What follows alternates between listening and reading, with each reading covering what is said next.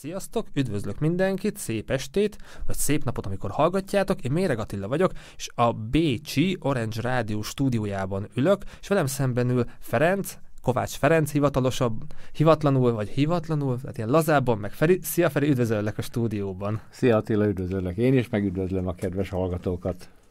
Kézilabda lesz a mai témánk, egy nagyon nagy pálya, így már a műsor előtt is beszéltük, hogy neked már gyerekkorodban, sőt, édesapád révén is a kézilabda benne van az életedben. Nem fogunk tudni mindent egy ilyen másfél-két órás műsorra belerakni, kedves nézőink, hallgatóink. A videó leírásában ott van minden fontos információ, még csak az Instagramját raktam bele a Hipónak, ami most aktuálisan, de majd lehet, hogy később a Fradi és más linkek is be fognak kerülni. Ha hosszabban a szárazabb rész érdekel titeket, a videó leírásában meg tudjátok ezt nézni, el tudjátok olvasni. Mi így azért egy évet próbálunk kronológiában adni Ferinek az hát a sport életéről, mert most is aktív, aktív része az életednek a kézilabda, és akkor fel is dobom a labdát, hogy édesapád, ő mit mesélt, hogy került a kézilabda az ő életébe, és hogy adta át neked ezt a fanatizmust, szerelmet, vagy te megfogalmazod a kézilabdával kapcsolatosan? Hát édesapám 1933-ban született, és a gimnáziumba kezdett el kézilabdázni, a gimnázium kézilabda csapatába az 50-es évekbe. Majd miután végzett a gimnáziumba, leérettségizett, elkerült a környékbe különböző falvakba tanárnak, tanítónak, tanárnak, aztán, amikor visszakerült, azt hiszem 1958-ba Tiszaföldvárra, akkor a barátját megkereste, hogy alapítsák újra a Tiszaföldvári kézilabda csapatot. Hát a 30-as években a Tiszaföldvári kézilabda csapat akkor még nagy pálya volt, a vidék legjobbja volt. Egy pillanat megállítunk, ez a nagy pálya, lehet, hogy a nézőink láttak már kézilabdát, de ez a nagy pálya, ez pontosan mit is takar? Hát a, a háború előtt a háború után is volt még nagy pályás kézilabda, hogy kb. a 60-as évekig, akkor már párhuzamosan a kispályával, de a háború előtt csak nagy pályás kézilabda volt. Az egy futballpálya méretű volt, futballkapuval, és a, ami most hatos vonal, az azt hiszem akkor 10, hát most én is vagyok biztos, hogy 11-es vonal volt, vagy 16-os vonal. Lényeg az, hogy messziről kellett dobni, 11 játékos játszott, ugyanúgy, mint a fociba, és a szabályok is mások voltak, tehát ott lehetett futni a labdával, csak minden három lépés után egyszer le kellett ütni. De megfoghatta az ember, újra tett három lépés, újra leütötte, és ott voltak ott is közép hátvéd, jobb hátvéd, közép csatár, mint a fociba. Te játszottál ilyen? Egyszer életemben játszottam Feldkirkbe, 1991 körül.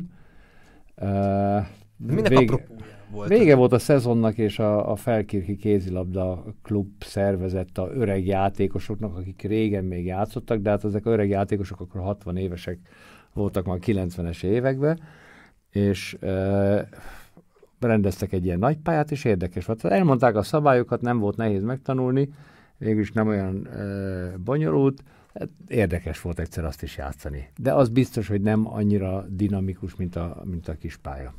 És Na lényeg visszatér... az, hogy, hogy uh, apukám hazakerült Tiszaföldvára, és a gépap Imre barátjával uh, újra alapították a kézilabda csapatot, és akkor elindultak először megyei ligába, és akkor még volt egy, hogy falusi dolgozók Spartaki ágya, amit ők 1960-ban megnyertek a csapattal. 61-ben már behívtak a csapatból két embert katonának, akkor már csak másodikok lettek, aztán 62-ben behívtak újabb kettőt, akkor már csak hatodikok lettek, akkor megszülettem én, és akkor utána abba is hagyta a kézilabdát. Utána iskolába tanított ő testnevelést is, és de lényeg az, hogy mikor, hogy én nőttem föl, ő velem úgy az udvaron mindig passzolgatott, dobálózott, egyik nagyon jó barátja, Felföldi Gábor volt a testnevelő tanárom, és nálunk a faluban, meg az iskolában is tradíció volt a, a kézilabda. Hát ez Magyarországon régen így üzemelt, a, hogy minden, minden falunak vagy kisebb városkának megvolt, hogy mi a tradíciója. Ez most is megvan, hogy kosárlabda csapatok szombathelyen, körmenden, ez tradicionálisan már nagyon-nagyon régóta, vagy a kézilabda ugye Szegeden, Veszprémben, hogy csak a legnagyobbakat említsem, de a kisebb faluknak, vagy kisebb városoknak, nagyközségeknek is megvan az a tradíciója. Amit én nagyon jónak tartok, és ugye, hogyha onnan egy jó játékos bekerült a TF-re, vagy egy tanárképző főiskola testnevelési szakát elvégezte, egy, egy szakember lett belőle, és akkor, amikor végzett, hazament, hát ő ezt a tradíciót ápolta. És akkor ez ilyen lánc reakciószerűen, ugye mindig kikerültek jó szakemberek, és ezért van az szerintem Magyarországon, hogy megvannak ezek a Hogburgok, hogy németül mondjam, ilyen fellegvárak, amire a falu specializálódik. És akkor én már fiatal gyerekkoromban ugye kijártam a kézilabda meccsekre, nagyon jó hangulat volt, vasárnap délelőtt 11 órakor volt mindig a meccs, ugye akkoriban még ez divat volt falun, hogy 10 órakor mise, 11 órakor kézilabda meccs, utána ebéd, délután foci meccs, aztán kocsma. Igen, ez a Szent Háromságot is gondolom, hogy kocsma, templom, Igen, pálya. igen, ez ugye ben van ez a központban. Tehát lényeg az, hogy gyerekkoromban ugye eljártam, apunak a barátai azok a, a fiatalabbak még akkor játszottak, és akkor ő is jött meccsre, meg elvitt, és akkor így szerettem meg a kézilabdát. És akkor ott megfertőzöttél, vagy azért apudnak a atyai nyomás, terelgetés azért kellett? Nem kellett neki terelgetni meg, hanem egyszerűen megkedveltem, hogy kimentem, nagyon jó hangulat volt, akkor általános iskolában a testnevelő tanárunk is, főleg a kézilabdát, hát foci az természetesen mindig ment, ugye, mert azt mi gyerekek is, meg atlétika, ez a három fő dolog volt az általános iskolában, amit csináltunk, és utána elkerültem középiskolába, Törökszent Miklósra, a Székács Enemér szakközépiskolába, ott egy szenzációs testnevelő tanárunk volt, Hát az, az, egy, az egy megint egy, egy hosszabb történet, arról nagyon sokat tudnék mesélni, meg, meg azt hiszem páratlan az egész országban ilyen nem volt, mint, mint ott. És, Tehát akkor ő is nagyon meghat. Édesapád hát, is, meg ő is meg. Hát ő aztán teljesen a sport iránti szeretetet, alázatot, ő mondta, hogy gyerekek, a munka soha nem hagy cserben. És ez, ez ugye, szép, szép megfogalmazás. Igen, és ez a, a kemény munka. Hát ebbe az az érdekesség, hogy az iskolánk területe ilyen lápos terület volt. Volt az iskolaépület, és a kertje lápos terület. A 60-as években még, mikor ő oda került fiatal testnevelőként, és akkor a gyerekekkel töltötte föl a lápos területet, hogy traktorokkal hozták a, a földet, meg az anyagot, és akkor azt beleszórták a lábba, és akkor egy rendes udvar lett belőle, és utána szintén a gyerekekkel kezdte kiépíteni a sportudvart vörös salakot hoztak, és a gyerekek mindig dolgoztak a szabadidejükbe, közben sportoltak. És akkor így szépen lassan fejlődött az iskolának a, a sportudvara, először egy kézilabdapálya, aztán egy távolugró gödör, magasugró állvány, meg stb. stb. súlylökő.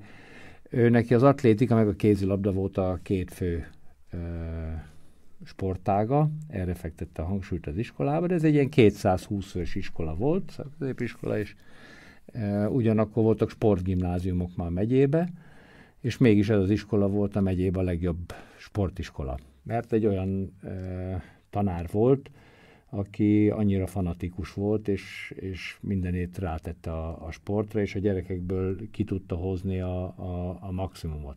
És itt már érezted, hogy neked ebből sportolói karrier lesz? Vagy itt... Hát én már azért mentem ebbe az iskolába, ez egy mezőgazdasági szakközépiskola volt, én kitűnő tanuló voltam általános iskolában, és úgy volt, hogy a helyi gimnáziumba fogok menni, Míg nem, eh, volt egy tavasszal egy kézilabda meccs, ahol ez az iskola jött, és játszott a mi csapatunk ellen, akit nagyon szerettünk, meg jó csapat volt, és az iskola megérkezett egy busszal, a csapat, plusz tele volt a busz szurkolókkal. És ezek hangos szurkolással, szék, SK, SK, székács, SK, olyan hangulatot varázsoltak, pedig nálunk is jó hangulat volt, meg szurkoltak, de mi teljesen libabőrösök lettünk, három barátommal voltunk ott, Úgyhogy meg is verték a csapatunkat, már nem mi játszottunk még akkor nálunk öregebbek, mi akkor voltunk 14 évesek, és a 18 éves, 17-18 éves korosztály, jó meccs volt, kikaptunk, és annyira hatás alá kerültünk, hogy mikor hazamentünk, akkor én mondtam, én ebbe az iskolába akarok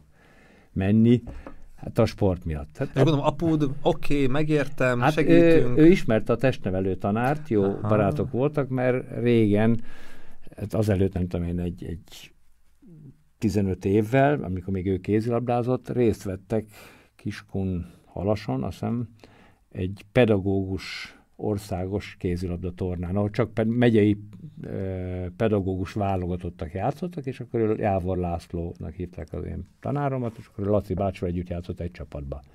Ő az onnantól kezdve ismerte, meg az iskolába mindig jöttek többen beiskolázni, tehát ők, ők nem azt mondom, hogy barátok voltak, de jó ismerősök voltak. És apukám nem is bánt, hogy oda megyek, nem gimnáziumba, mert ez a 80-as, nem, 77-ben volt, 1977-ben, és akkor ugye azért vidéken egy, egy agrármérnöknek igen magas beosztást jelentett, anyagilag is, tehát a, a, a csúcs volt vidéken akkor, ha valaki mondjuk egy agráregyetemet elvégzett, és, de engem meg a sport fogott meg, és amikor oda kerültem a, a, be az iskolába, amit ő elkezdett így fölépíteni a 60-as évektől, akkor éppen a torna termet fejezték be abba az évbe. Azt is úgy építették, hogy kaptak egy, egy épületet a városközpontban, egy régi épületet, amit elbontottak, a gyerekek a téglákat lepucolták kalapáccsal, traktorral odaszállították a, a iskola területére, és akkor segítettek a kőműveseknek fölépíteni a tornatermet. De közben egy szenzációs sportpálya kialakult, emelkedő futópályával, fut, 180 méteres futópályával, gátak, rúdugró, kosárlabdapálya, diszkoszvetőpálya, gerelyhajítópálya, villanyvilágításos kézilabdapálya, ami akkor 70-es években szenzációnak számított, úgyhogy mi este is tudtunk edzeni. És kétszer edzettünk napotta, iskolának vége lett, kettőtől négyig, négytől szilencium volt hétig, és akkor este fél nyolctól este kilencig megint edzés volt. És akkor voltak kézilabda edzések is a pályán, meg atlétikai edzések is, és minden kézilabdásnak kötelező volt atlétizálni, igen, mutatom a, ké- mutatom a képeket küldte, róla. Hogy, hogy én is végül is a főszámom a magasugrás volt, mert abban a 18 évesen 2 méter 2 centit ugrottam. De gáton is jól futottam, távolba is 6 méter 55-öt ugrottam, gerejhajításba is jó voltam. De szeret, is. szeretted ezt, vagy te inkább csak kézi kézi? Nem, nem, nem, szerettem a atlétikát is. Uh, hát ott belépte az iskolába, és megfogott ez a hangulat. Ott a 220 diákból 200 sportolt a iskolába. És hát akkor nem nagyon voltak meghízott ember. Nem, nem volt, nem volt kövér gyereket se.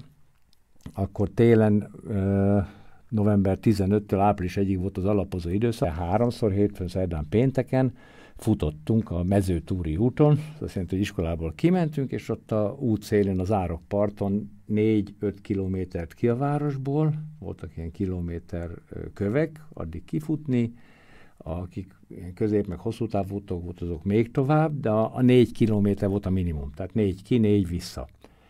És akkor, amikor megérkeztünk, akkor volt egy srác, aki, aki nem volt olyan sportos, és akkor ő fogadott bennünket, és akkor ekkora nagy krumpli cukor, nem tudom, ilyen 15-20 kilós massza, és akkor kalapáccsal rávett, és akkor adott egy krumpli cukor darabkát, meg egy fél citromot. Hát akkor mi még nem értettük, hogy Ugye, minek csak szerettük. Édes volt a krumplicukorra, hozzá jó volt a citrom. Hát most már azért tudom, hogy hát a krumplicukorra energiát szolgáltatta vissza.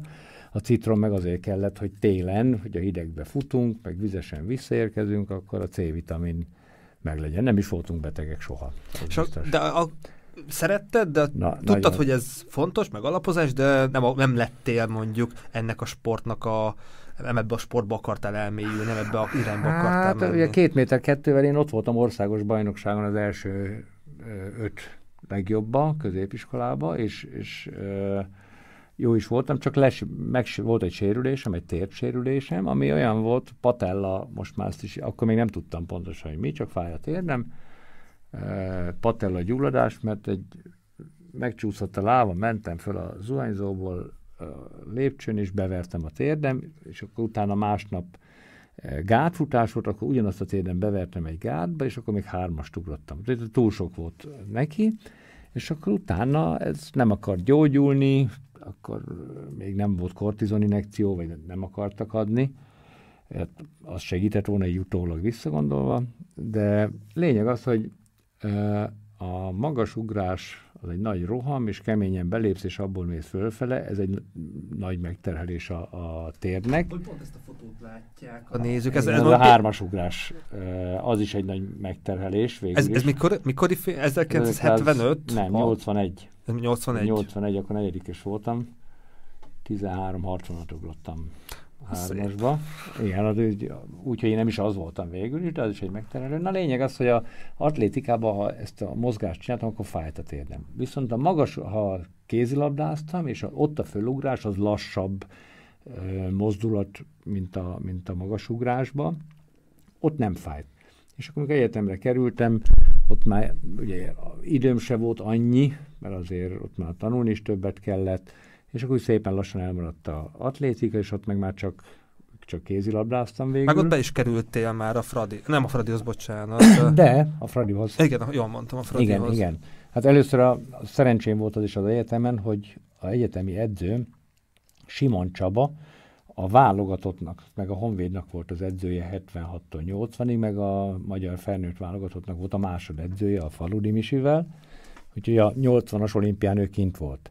És Azért ez nagyon vagány, hogy ilyen gyorsan bekerült, vagy nem tudom, mennyire volt nehéz bekerülni. Már a, a Fradiba? Hát az is egy, egy véletlen. Sok Csak hogy így a számokat értsek, tehát te 82 és 87 között voltál egyetemen, és már mellette, tehát így 82-től már az aktív sportkarriered, pályafutásod már elindult, tehát... Igen, hát végül is meg a, a legkomolyabb munkát én középiskolában végeztem. Ott heti 9 óra edzésünk volt, úgyhogy észre se vettük, ugye, mert akkor nem volt videó, nem volt tévé, volt, de, de jelentéktelen volt a két tévéműsor.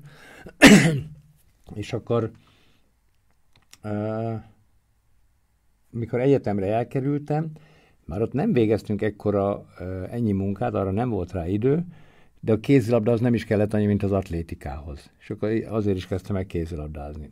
És akkor volt egy torna Pesten az OSC-nél, az Orvos Egyetemnek a, a csarnokába, és a Fradiból voltak ott vezetők, és azok szúrtak ki, és akkor német Andrásnak szóltak, ő akkor volt éppen a Fradinak az edzője, és akkor ő kijött Gödöllőre megnézni egy meccset, és úgy így kerültem a Fradihoz 80-as évekbe, és akkor utána pedig, hogy végeztem az egyetemmel, kaptam egy ajánlatot, most meg a Vassanyi. Ausztriába. Igen, Ausztriába, Vörgölbe. Azért ez nagyon ott a rendszerváltás előtt, akkor már itt azért nem azt mondom forrongott, de érződött, hogy azért lesznek változások, ez így biztos nagyon különleges lehetett, hogy Fradi, tök ugye Fradi vagyok, de akkor mehetek nyugatra játszani. Hát akkor még nagyon nagy szám volt, mert az még ugye szocialista rendszer volt, és Engem úgy sose érdekelt a, annyira a politika, úgyhogy én nem éreztem azt, hogy, hogy majd itt most nagy változás Tehát lesz. Akkor játék, sport. Csak, igen, játék, sport, barátok, egyetemet végezem el. És a politika nem is nagyon szólt bele a sport életbe, tehát mindenki, hogy dolgozott. Akkor már azért nem. Akkor már 80-as évek végén már nem is, ugye akkor már azt is megengedték, hogy kimenjen valaki külföldre, bár mikor én kijöttem 88-ba, akkor még olyan volt a rendszer, hogy a fizetésednek a 10%-át le kellett adni valutában a Magyar Olimpiai Bizottságnak, 20%-át pedig kötelező volt átváltani forintra hivatalos árfolyamon, mivel akkor még volt fekete árfolyam. Tehát amikor kijöttem 88-ba, 5,50 volt hivatalosan a shilling, és 8,30-ért lehetett feketén váltani. Amire mindig volt vevő. Tehát, hogyha én hazajöttem, és akkor nem tudom, 10 ezer shillinget át akartam váltani, akkor nem 55 ezer forintot kaptam érte, hanem 83 ezeret feketén.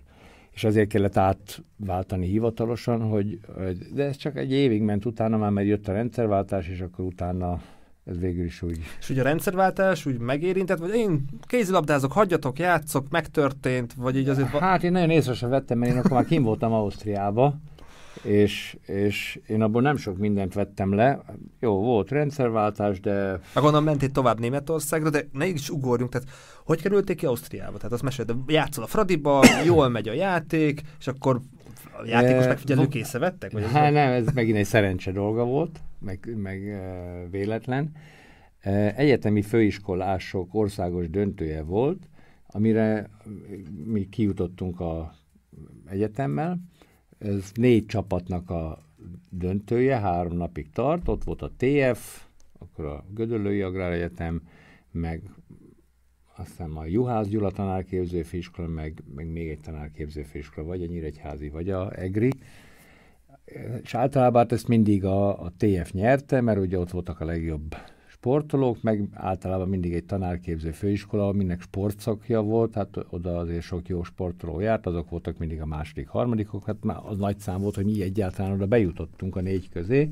Te úgy TF-re jelentkeztél? Vagy? Nem, nem, én Agrár Egyetemre jelentkeztem, mert mezőgazdasági szakközépiskolában jártam, és hiába voltam jó sportoló, valahogy akkor még úgy volt, hogy, hogy ugye az agrármérnök, az azért egy, egy, egy nagyon biztos ö, megélhetést jelentett, és hát amellett lehetett sportolni uh-huh. nyugodtan. Sőt, azt mondták, hogy ha valaki élsportoló akar lenni, jobb, hogyha ö, más egyetemre megy, mert ott specializálódhat egy sportágra, mert hogy a TFM mindenféle sportágat kellett csinálni. Aha. Tehát ott volt vizsga mindenből, és akkor... Tehát ezt nem, ér, nem élted meg 18 évesen törésként, vagy, vagy nem volt ez ilyen csalódás? Nem, nem, nem, nem. Meg ráadásul az egyetemen nagyon jó sportélet volt, a Gödöllői Egyetemen, atlétika is, úgyhogy még elsőben még atlétizáltam, és csak a térdem nem lett jobb, és uh-huh. aztán utána meg már csak kézilabda, jó barátok, akkor volt ez a szerencsém, hogy végül a magyar válogatott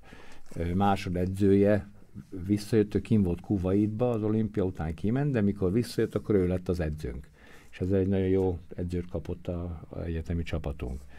Meg, meg az egyetemi élet, az Gödöllőn a szenzációs volt. Ezt is tudtad? Ez eljutott az információzat, vagy lesz, ami lesz, megyek Gödöllőre, és akkor menet közben? Hát azt nem tudtam, hogy a egyetemi élet ott annyira jó.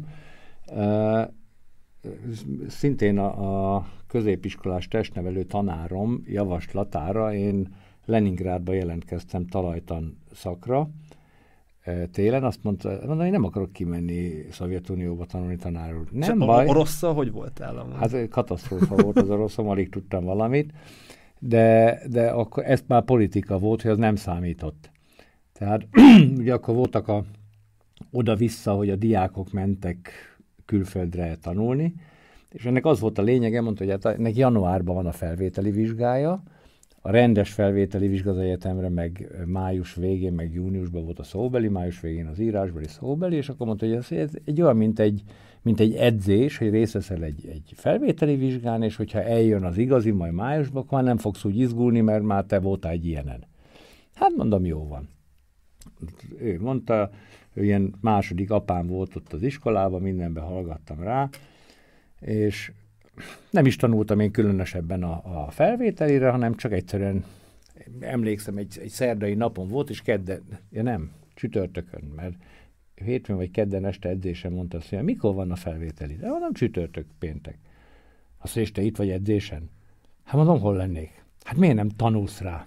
Hát az edzés az szent hát, és értetlen. Mondom, nem, már mondom, mit tanuljak nem, nem célom nekem, hogy fölvegyenek Szovjetunióba, most erre még külön tanuljak, hát tanultam órákra. De... Na, menjél föl, gyorsan tanuljál. Hát már tudod, mit tudsz megtanulni két nap alatt egy ezerre. Hát fölmentem, még valami kis biológiát tanultam, aztán elmentem nyugodtan vizsgázni. Jó, is sikerült, biológia, kémiából kellett a felvételit, meg oroszból. Hát oroszból egyes kaptam írásbeli, hát arra nem lehetett mást adni szóbelire adtak egy kettest, mert ugye arra nem volt tanú, hogy mennyit tudok oroszul, és akkor mondták, hogy mindegy, úgyis megtanulott oroszul.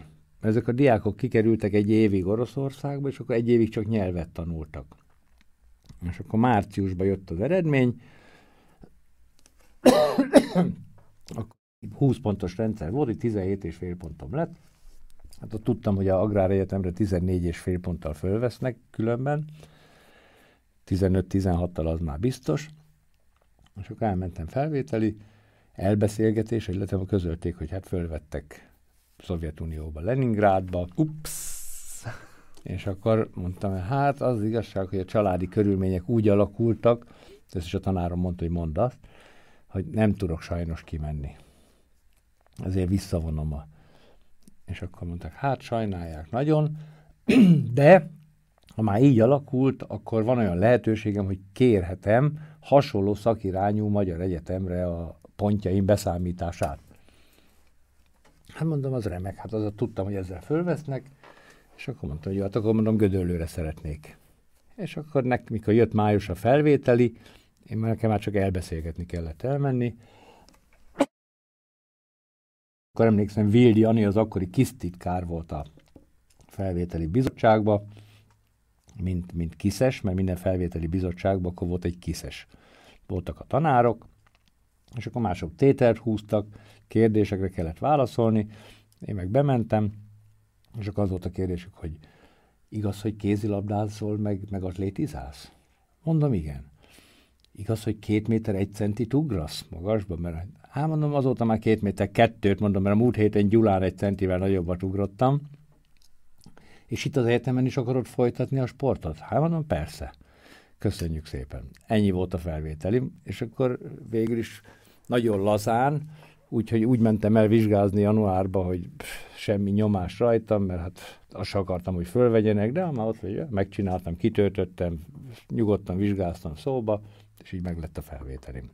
Szuper, és ez tök jó, hogy ennek így kellett lennie, nem, mert lehet, hogy később beszélünk, nem tudom, voltak-e még hasonló sportsérüléseid, mint korábban, ezek azért lehetnek törések, csalódások egy ember, egy sportoló életébe, te, akkor ez a gödöllő jól jött ki a lépés, és akkor nézzük, hogy ott volt a szituáció, ez a majd elmondod, hogy hogy vettek észre téged Ausztriából, hogy akkor volt ez a, az a verseny, vagy ez Egyetemi a kupa. főiskolás országos döntő, igen. Döntő, igen. És akkor a szövetségből, a Magyar Kézzelabda Szövetségből úgynevezett szakfelügyelő, a Hetei Pista bácsi kijött egy nap megnézni, hogy rendbe zajlanak a események. Hát ez annyiból állt, hogy kijött, nézett egy, egy-két meccset, vagy belenézett a meccsekbe, és akkor megívott két sört ott az edzőkollégákkal, beszélgettek, és mikor kijött, pont előző este, vagy aznap reggel hívta Vassanyi, az egy híres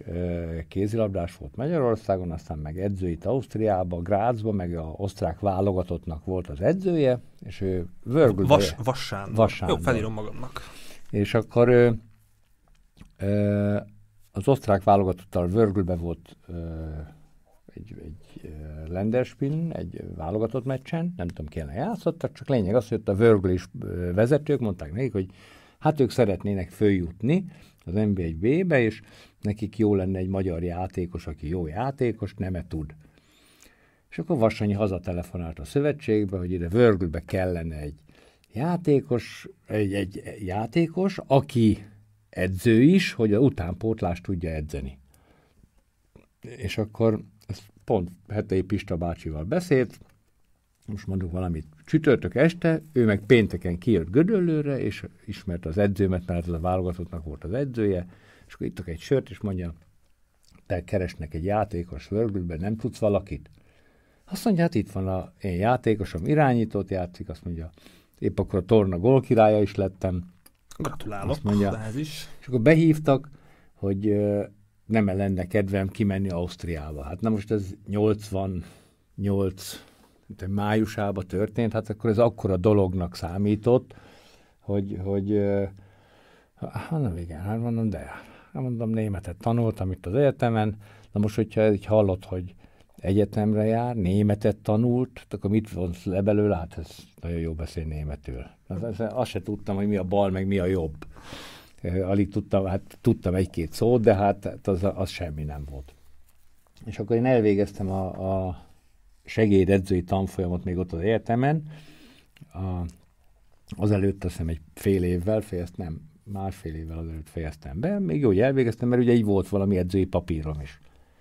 Ma akkor érez, érezted, hogy neked a sport mellett a sport az nem lesz elég, tehát mint sportoló és, és edzőként is a jövőben, vagy ez így hogy jött, hogy te edző? Nem, nem, azt nem, csak csak jött egy ilyen lehetőség, hogy most el lehet ezt végezni, két hét volt, be kellett jár. Először ott Gödöllön jó testnevelők voltak, tehát például a, a testnevelés tanszék vezetője Nagy Zsigmond, az a Tokiói olimpia ötödik helyezettje volt súlylökésbe.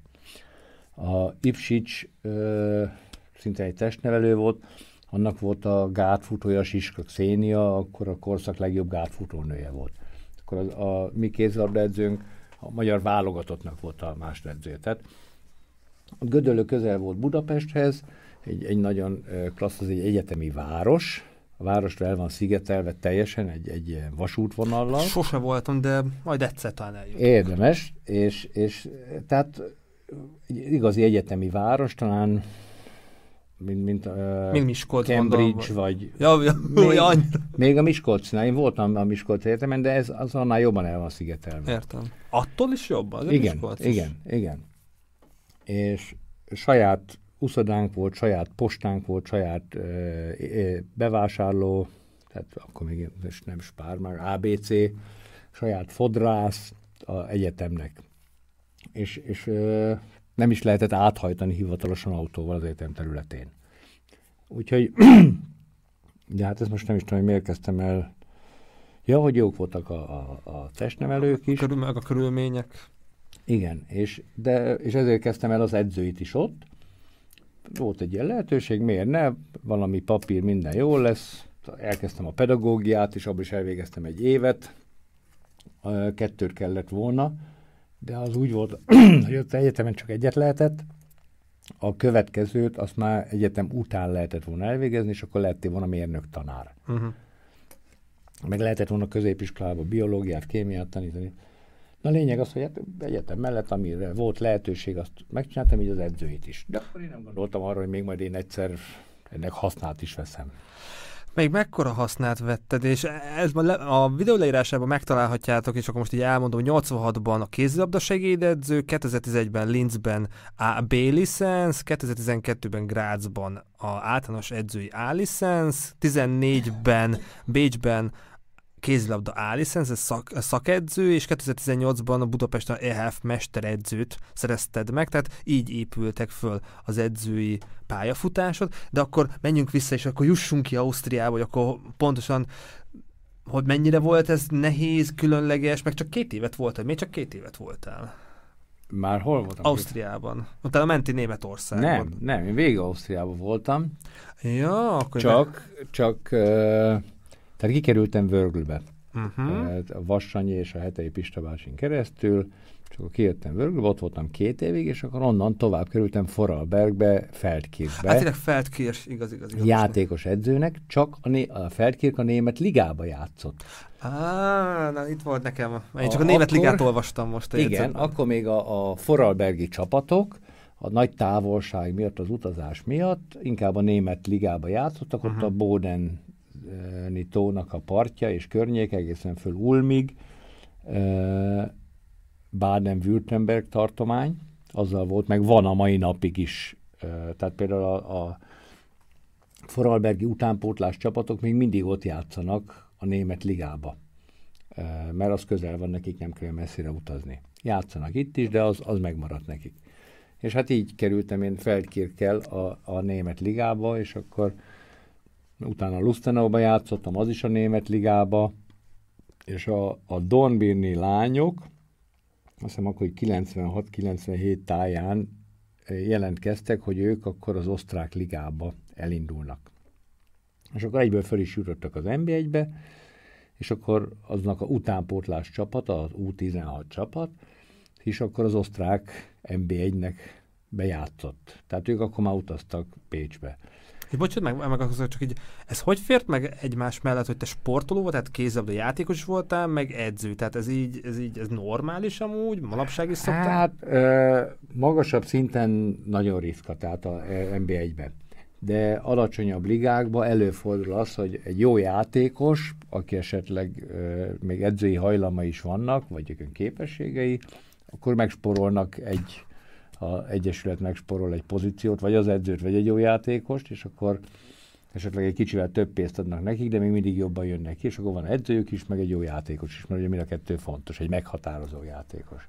És így lettem én akkor egy alacsonyabb ligába játékos edző a fiúknál, míg nem egyszer elhívott a Don Bin, ennek a akkori sportköri elnök, a Reis Ervin, szegény meghalt tavaly, ő a városnak is a, a, a Városi Sportiskolának volt az igazgatóhelyest, ez a Foralberg tartománynak a sport részlegének a vezetője, a Dornbini Városi Tanácsnak a tagja, és nagyon ö, sok támogatást tudott a klubnak szerezni, és akkor ő hívott el, hogy le, vállaljam el a U16-os női csapatot, mert ott éppen edzői probléma van, és akkor én még a fiúknál játszottam, vagy játékos edző voltam Lustenauba, de elvállaltam mellette még a Dormini lányokat is.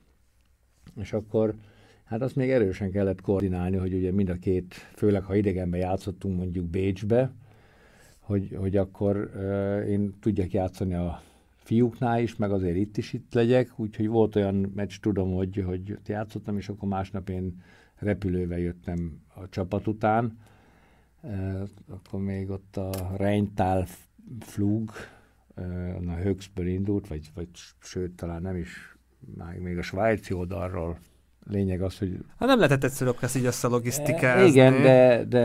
Meg akkor már apuka is volt, tehát lányok akkor már... Igen, igen már meg volt mind a kettő.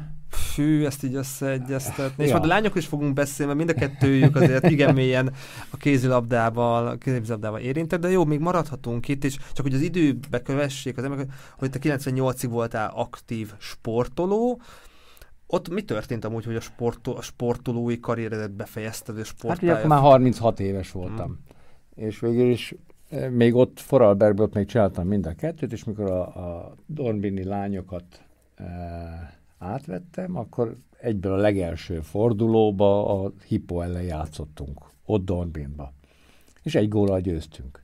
Hát ez nagy szám volt, mert addig eh, mindig a Hippo uralt az utánpótlás vonalon is ezt a U16-os bajnokságot, a NB1-nek a ezért, soha nem kaptak ki senkitől.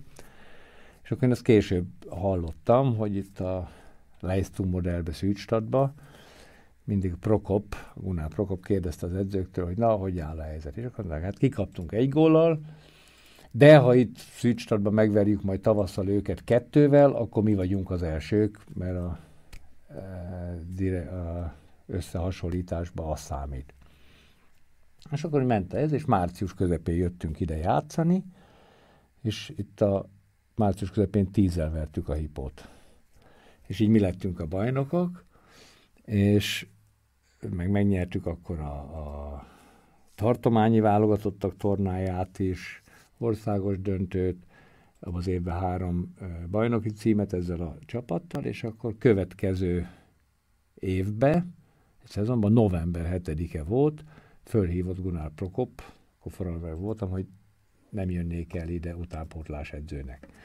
Hát a, a Gunnar Prokop akkor a kézilabdába olyan nagy név volt, mint a Ferguson mondjuk a, a fociba. Tehát ő a, a női kézilabda pápájának hívták. Ez egy akkora szám volt, és hát én pont akkor költöztünk ott Foralbergbe egy új lakásba, berendeztük, új bútorokkal, minden szép háromszobás lakás, és e, barátomnak, Balogh Zolinak mondtam telefonon, te tudod, ki hívott telefonon? Azt mondja, ki? Mondom, Gunár Prokop. Ja, azt mondja, engem meg a pápa. Elmondom komolyan. Azt mit akart? Hát, hogy menjek oda edzőnek. És? Elmondom, mondtam neki, hogy elmondom, nem megyek. Mondom, nem tud az annyit fizetni, amennyit mondom, hát itt két csapatnál vagyok edző, dolgoztam mellettem, még a feleségem is elmondom, hát de hülye vagy, hát azért legalább mondd meg neki, hogy írja fel a telefonszámot, hát ha majd egyszer ez. Hát, mondom, igaza van neki. Másnap visszahívtam Hunárt, és akkor még ez azért érdekes, mert anyukám vette fel a telefont, mikor csöngött, és akkor kérdeztem, hogy ki az anyu. Ő nem tudott németül, csak azt mondja, valami Gunnar Prokop. Hú, mondom, ad ide. És akkor utána mondta, hát akkor gyere el, beszéljünk, Feri. És két hét múlva jöttem el, november 25-e volt, arra is emlékszem, mivel az a születésnapom. És akkor két óra hosszát beszélgettem vele itt Szűcstadba. Minden tudni akart a gyerekkoromról, a középiskoláról, hogy elmeséltem neki, hogy hogy építettük föl a, az iskola sport létesítményeit, hogy mindenkinek kellett atlétizálni.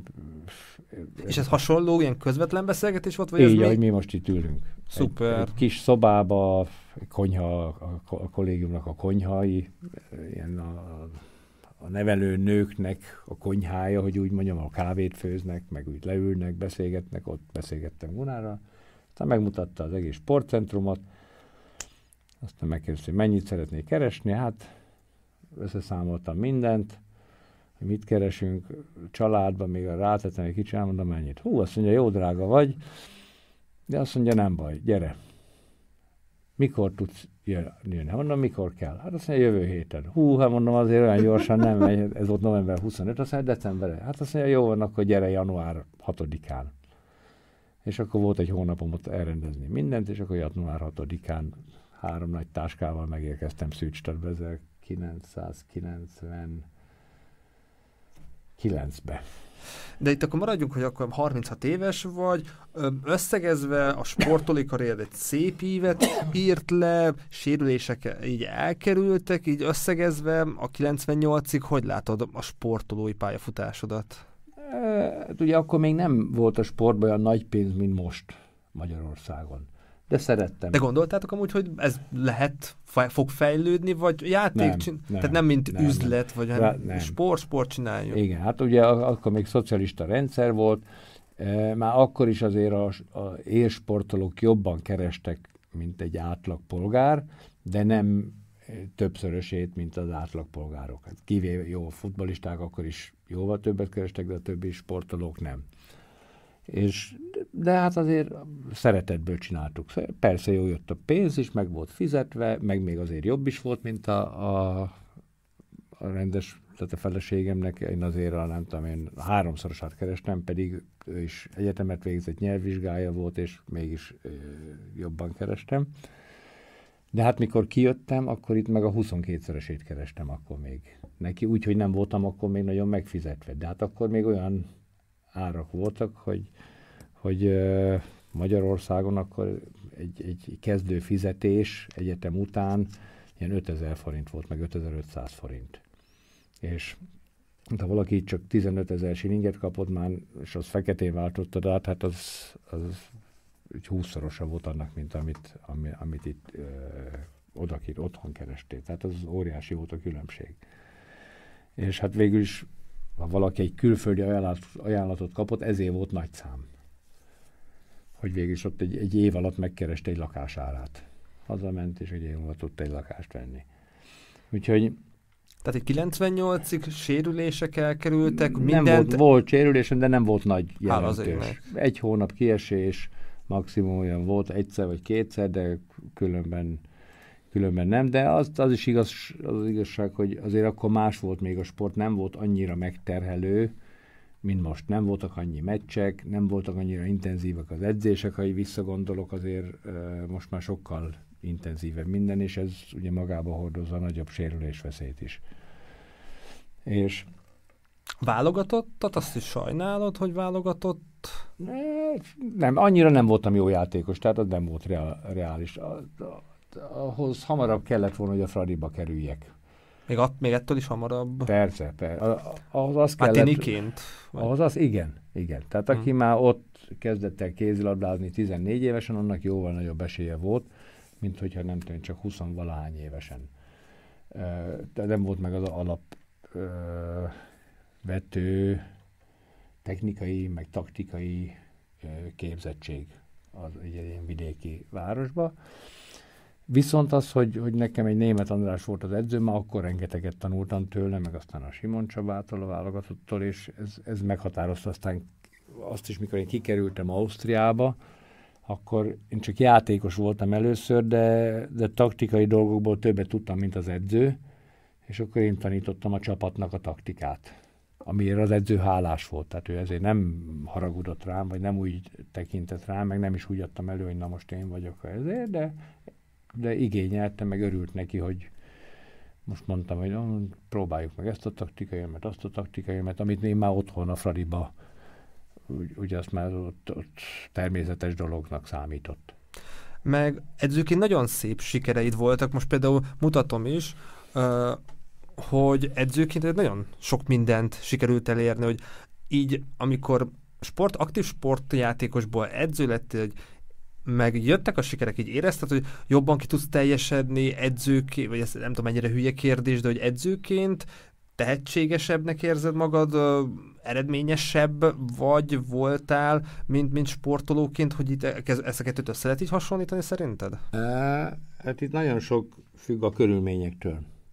És itt újra a szerencse, vagy a sors keze, hogy, hogy hova kerül. Hogy hívja? E, valószínű, hogy ha én hamarabb kerülök a Fradi, mondjuk 14 évesen, vagy 12 évesen, akkor lehet, hogy válogatott kézlabdás lettem volna, de biztos vagyok benne, hogy egy junior, meg ifi válogatott. E, de hát akkor ugye nálunk a atlétika volt a fő, a kézlabdát, mi még salakpályán kézilabdáztunk, az egész más. És ugyanígy Ez nagyon az, más, mint mondjuk egy csarnokban. És ugyanígy az edzőin is, hogy volt valami képességem, amiben biztos nagyra, nagyon közre játszott a középiskolai négy év, tehát ez a, hogy a munka nem hagy cserben gyerekek, hogy keményen dolgoztam a lányokkal, és meg az is, hogy azért a Fradiba már én tanultam taktikai dolgokat, és ez elég volt ahhoz, hogy én a 16 éves lányokkal megnyerjem az országos bajnokságot. Ez elég volt ahhoz, hogy így fölfigyeljen rám egy Gunnar Prokop, és elhozzon, mert hát nézd, van itt egy edző, aki, aki megveri a, azt a csapatot, aki eddig nem kapott ki, és akkor elhozott, és egy fél év után azt mondta, hogy itt átvettem a Hipónak az utánpótlás csapatát, és azt a csapatot, aki még évelején kikapott a MGA-tól, és akkor évvégén velem győztek. Meg látta, hogy, hogy keményen dolgozok a lányokkal, emlékszem januárban edzettünk, és akkor edzés után mondtam, na most meg megyünk futni.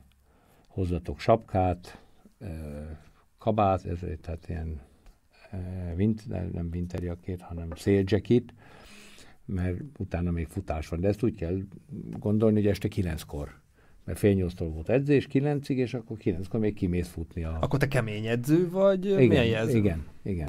A, és akkor kimondottan az voltam.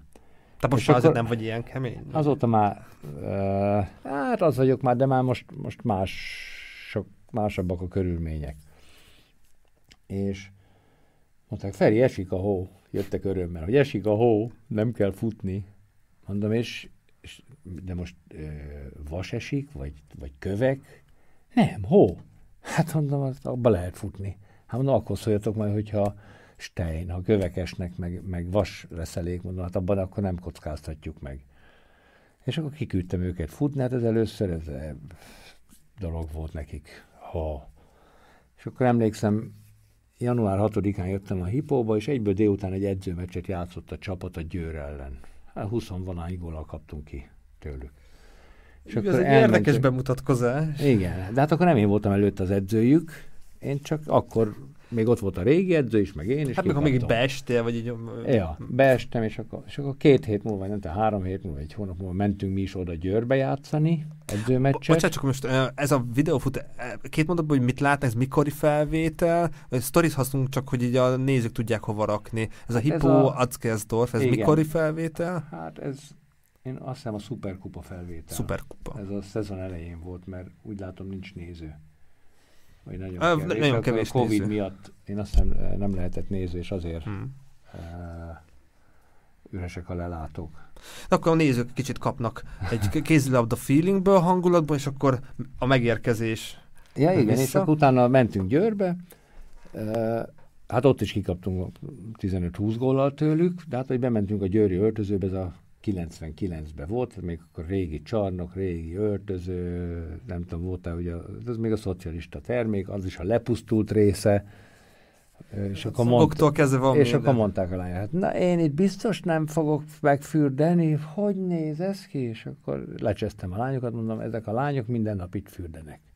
Itt edzenek, itt fürdenek, és húszszal vennek bennünket. Addig nem akarok olyan ilyen szavakat hallani, amíg ezek megvernek bennünket húszszal, és ők itt készülnek.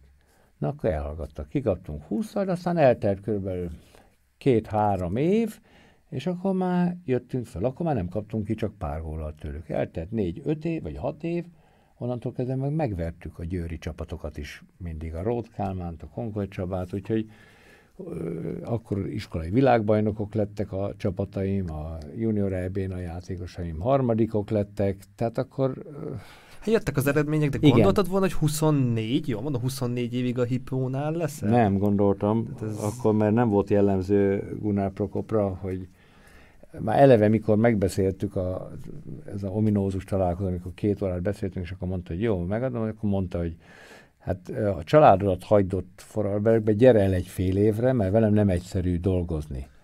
Nagyon korrekt. És ha nem passzol, akkor utána vissza tudsz menni. És akkor én mondtam neki, hogy Gunár, én nem félek a munkától, én ha jövök, akkor hozom a családomat, de nekem nem kell írásbeli szerződése. Ha úgy gondolod, hogy nem jó, egy hónap múlva elküldhetsz. És nekem nem is volt írásbeli szerződésem. De ez a feleséged mit szad meg a család? Tehát azért nekik...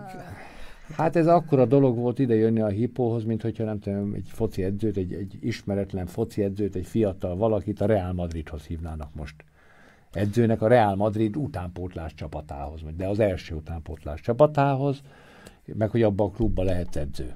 Egy, nem tudom én, Feldkirkből. Tehát egy kis neve sincs, a sportban neve sincs csapattól jön, jön a Real Madrid, hogy a, a, annak idején a Bernabeu, most nem tudom ki a Real Madridnak a menedzserem, de Bernabeu volt évekig, ugye a, a, a nagy hírű, és mint hogyha, tehát olyan volt akkor a hipóhoz jönni.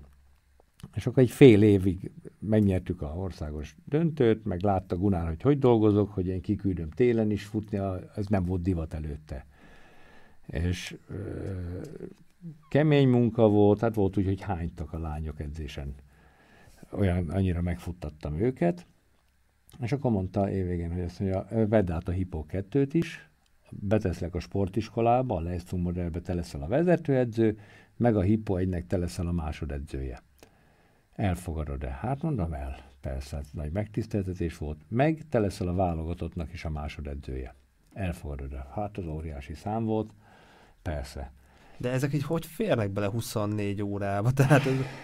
Hát, hát úgy, hogy akkor tényleg nem eljöttem reggel, este hazamentem, de szerettem. Hát egy, egy, egy, egy, a világ legjobb klubjának a legjobb csapatát, világklasszisokkal dolgozni, hát akkor a válogatott a harmadikok voltunk a világbajnokságon, ahol én lettem aztán akkor már az edző, mert az edzőnk előtte lebetegedett, az megint egy külön történet. Az volt a Sydney olimpiának a kvalifikációs tornája, ezzel kijutottunk az olimpiára, úgyhogy végül is egy éven belül ahol korábban még egy, egy kis csapatnak voltam az edzője, meg a német, nem tudom én, Fairbanks ligába játszottunk a lányokkal, és akkor egy év múlva készülsz a norvégiai világbajnokságra a csapattal, Fakamszét edzőtábor, a világ legjobb játékosai dolgoznak a kezeid alatt, hát ez, ez valami megfoghatatlan volt. És így visszagondolva, akkor messze nem tudtam annyit még a, az edzés elméletről, csak egyszerűen a, az, hogy nem fértem a munkát, hogy mondod, hogy hogy fért bele ennyi, és egy filére nem kaptam többet, mint amiért aláírtam. Tehát de én nem mondtam azt, hogy jó, én elvárom ezt is, azt is, azt is, de akkor több pénzt kérek. Hanem mondjuk az a pénz, meg már azért jó pénz volt, amit, tehát én úgy gondolom, hogy meg úgy éreztem is, hogy annak idején már úgy hozott engem ide a Gunár, hogy idehozom, megadom neki a pénzt, mert én úgy gondolom, hogy alkalmas lesz majd aztán erre a pozícióra, mert aki addig ott volt, talán nem alkalmas. Most be is rakom a nézőknek, hogy lássák, tehát így most visszarakom el, most így futottak, hogy ez így a legvége az eredményeidnek, hogy ez, ez egy szép, szép hosszú lista, tehát az egészet jól láthatóan, átolvashatóan a leírásban meg tudjátok nézni, így magában a videóban csak ilyen részletekben tudtam berakosgatni, tehát nagyon szép és, és komoly eredmények, de így nézve a 24 évet így a hipónál, vagy akár az egész edzői pályafutásod, hogy mondtad, hogy kemény vagy, így, így mik voltak ott, meg a, meg a munka, tehát a munkák az eredménye, így hogyan tudnád összefoglalni a te edzői eszenciádat, a te filozófiádat, amik, amik ilyen eredményeket hoztak? Van erre valamilyen kis kódex, vagy bármi, hogy így te összefoglaltom, ez nehéz, de ilyen pár, pár, pár, pár gondolatban. Hát ez, ez megint igen érdekes, mert az EHF mesteredzőin Mocsai Lajosnál ez volt az egyik vizsgafeladat, hogy a edzői arszpoetikát kellett leírni. És e, hát akkor összeszedted a gondolataidat, és akkor én mondtam, hogy hát mégis az én e, edzői arszpoetikámat híres embereknek a mondásai e, vezényelték, meg, meg végül is a edzőknek is, akik voltak, amit már elkezdtem, hogy középiskolástan azt mondta, hogy gyerekek a, a munka soha nem hagy cserben. Akkor Gunár Prokop azt mondta, ő tudja, mi kell a sikerhez, rabótágy, rabótágy, rabótágy. Ez oroszul van, ez annyit jelent, hogy dolgozni, dolgozni, dolgozni. Én ezt ott hogy ismerem, hogy hogy lehet bekerülni a zeneakadémiára, gyakorlás, gyakorlás, gyakorlás. Ja, hát igen, az ugyanaz. Ja. E, és akkor e, például apukámnak a, te, a tantermébe, ahol tanított, ott e, nagyon fontos számomra, hogy, hogy e, vidám legyen az élet. Juhász Gyulának a vers idézete volt kitéve, hogy ha az élet zengi be az iskolát, az élet is derős iskola lesz. Ez volt az egyik.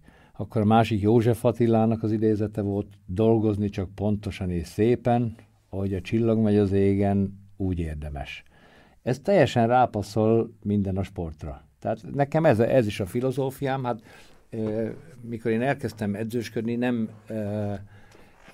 nem azért, mert ezeket a verseket ismertem, de így már most visszanézve, ahogy én dolgoztam, meg amit ezek az emberek megmondtak, ez nagyon passzol az edzői pályafutásra.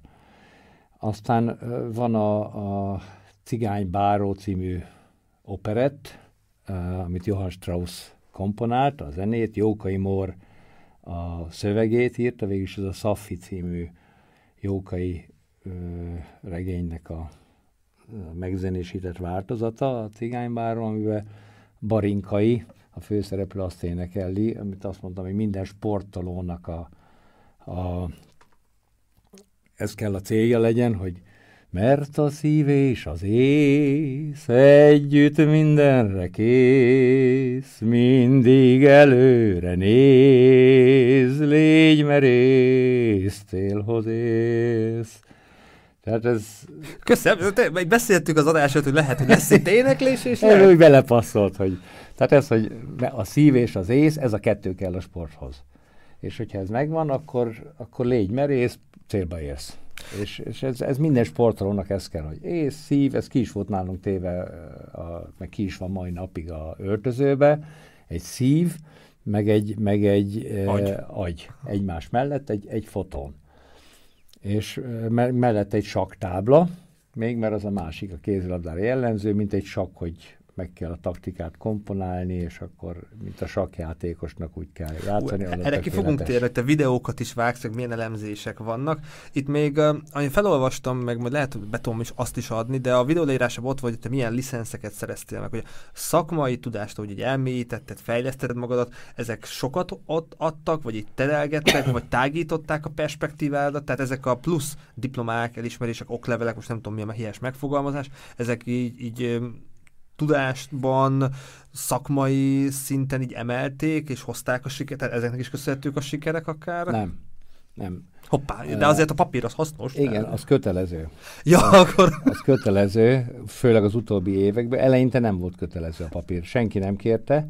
Én mikor idejöttem a hipóhoz, akkor mondtam Gunárnak, te Gunár, nekem csak egy segédedzői papíron van, az itt a osztrák C-licencnek felel meg azt mondta, hogy nem érdekel, hogy milyen papírod van, gyere ide dolgozzá. Ha jó dolgozol, akkor úgyis itt maradsz nálam.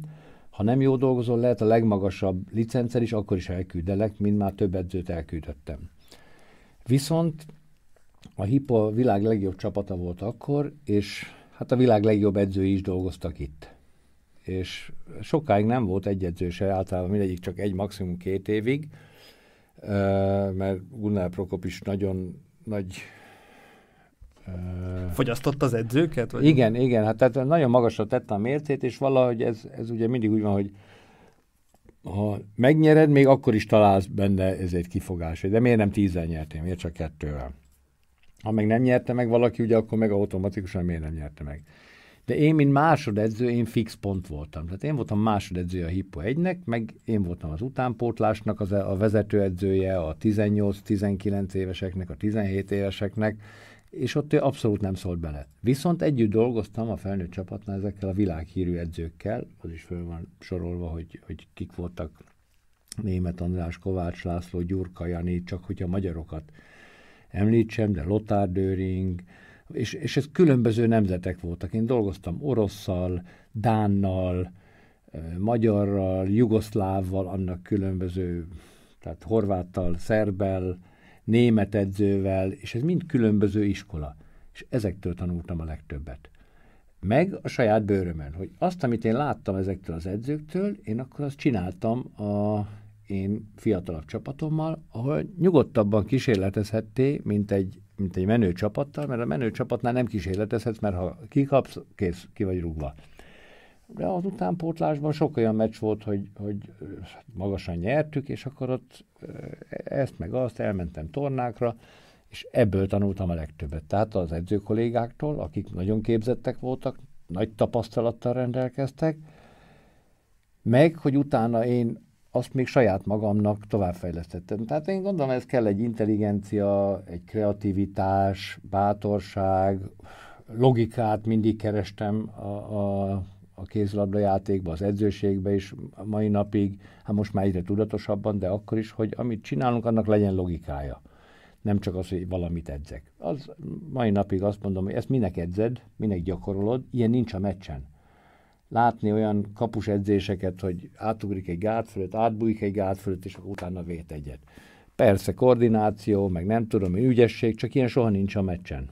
Hát, hogyha annyi időd van rá, hogy még ez is belefér, jó, beleteszed érdekesebb, de ha nincs annyi időd, ez felesleges dolog. Csak olyat edzek, ami aztán meccsen előjöhet, azt súlykoljam a játékosokba. És akkor sokan ettől, fú, micsoda, egy, ah, milyen érdekes gyakorlat. Ez, ja, érdekes gyakorlat, csak éppen se ér, mert, mert ilyen nem fordul elő meccsen. Inkább azt kéne gyakorolni, ami, ami előfordul meccsen is. Tehát ezektől az edzőktől nagyon sokat. És aztán bejött az, hogy kellett a papír. Ahhoz, hogy én a sportiskolának az edzője maradhassak, mondta a szövetség, hogy az papírt kell csinálni. Kezd el a iskola. Na, akkor kezdtem el, ezért jön sorba, úgyhogy évente. Viszont állítom, hogy így sokkal többet ért nekem, hogy én nekem már megvolt akkor egy nagyon nagy szakmai rálátásom, nagy tapasztalat, és, és mikor én végeztem meg ezeket az iskolákat, akkor ez mindig úgy, úgy bizonyította nekem, hogy aha, én ezt már eddig csináltam, meg így csináltam, most már azt is tudom, hogy miért. Mert tudományosan ez a igazolása neki. De én minden edzőin kitűnővel végeztem el minden edzőit, és ebben nagyon közel játszott, tehát akik ott voltak, azok általában fiatalabbak, nem általában, mindenki fiatalabb volt nálam, kivéve a EHF mesteredzőit, de ott is az öme fiatalabb volt nálam, pont a Gyurka Janival vagyok a képen, aki velem egyidős, meg most a lányomnak az edzője különben, meg ő volt a Hipónál is edző, úgyhogy nekem ő nagyon jó barátom, mert együtt dolgoztunk azóta is, és hát ő nálam pár hónappal idősebb. Meg nagyobb is, vagy is elég igen, nagy. Igen, hát ő két méter, két centi magas. Gyuresz, és e, tehát az, hogy már megvolt ez a óriási nagy szakmai háttér, tapasztalatokkal, és hogyha valamit tanultunk, én egyből tudtam valamihez kötni. A fiatalabbak nem, azok úgy megtanulták, mint az iskolában tanulsz valamit, de még úgy nem tudott semmihez kötni. És, és így a hozzászólásaim is, a vizsgákon is, én, egész, én már össze tudtam kapcsolni dolgokat. Tehát én nem úgy tanultam, hogy bemagolom, vagy ezzel, hanem én egyből tudtam, hogy ez mi mihez passzol végig. Ezért is volt jó. Arra jók voltak az iskolák azon, hogy kellett a papír, hogy, hogy azért sok e, olyan dolgot bestétingolt, tehát, hogy... Lebélyek,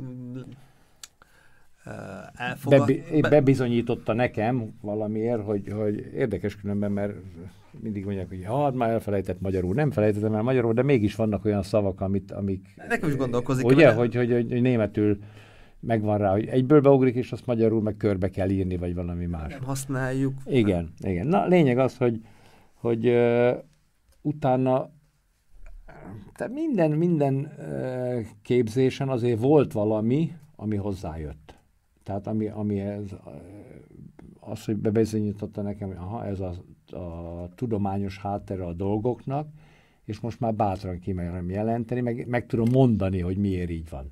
Tehát az biztos, hogy ezzel, ezért lettem jobb edző idővel, hogy, hogy most már tudom, ha valaki rákérdez, akkor én meg tudom mondani, hogy azért csinálom így, mert, és akkor felsorolom a tudományos hátterét a dolgoknak, amit állítom, hogy nagyon kevesen tudnak.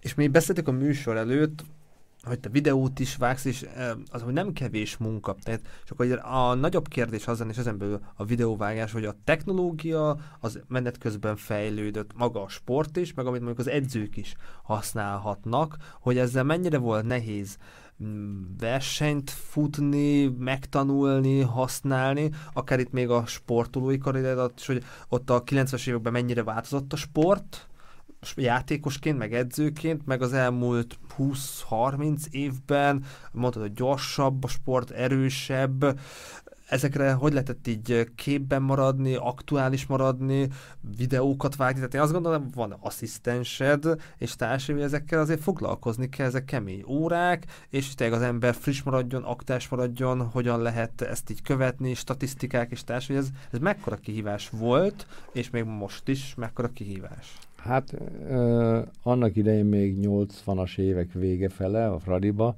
nem is vágtak videót az edzők, csak fölvettük a meccset videóra, meg az ellenfélhez valaki elutazott, fölvette egy VHS kamerával, és akkor levetítették, hogy néztük a meccset, és akkor mondta, hogy na, ez a gyerek ezt csinálja, ez ezt csinálja így. De akkor csak úgy nézted, mint a mozit végül is. És akkor utána, kilenc, mikor a hipóba kerültem, Hát azt már meg nem mondom, hogy hogy tanultam meg.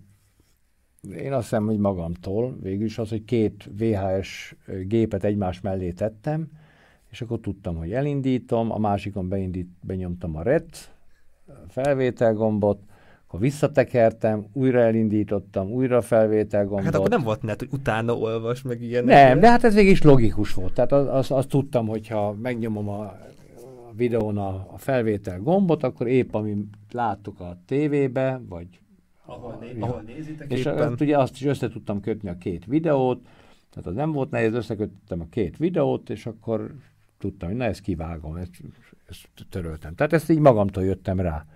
De az biztos, hogy akkor az, az nem tudom, egy meccset összevágni, az legalább három óra hossza volt egy egyórás meccset, és abból egy 10 percet összevág, három óra volt, tehát mikor 99-ben a Norvég világbajnokságon voltunk, előtt az Odegil Eidszéter volt nyáron az edzőnk, és én voltam a másodedzője, és a világbajnokság előtt egy hónappal ő lebetegedett, csontrákja lett, úgyhogy, úgyhogy ő nem is tudott kijönni, és akkor én fiatal edző voltam, ugye, meg végül soha nem voltam ilyen nagy csapatnál edző, válogatottnál, világbajnokságon még nem is voltam, és akkor Gunnar Prokop megkérdezte, hogy a csapattól, ahol Austra Friedrich az a világ legjobb játékosa volt, akkor választották Stanka Bozovic 38 évével, a világ egyik legjobbja volt már 10 év óta, Csagaval kapuba a világ egyik legjobb kapus, és akkor ezt a három öreg játékos megkérdezte, hogy hozzak egy új edzőt,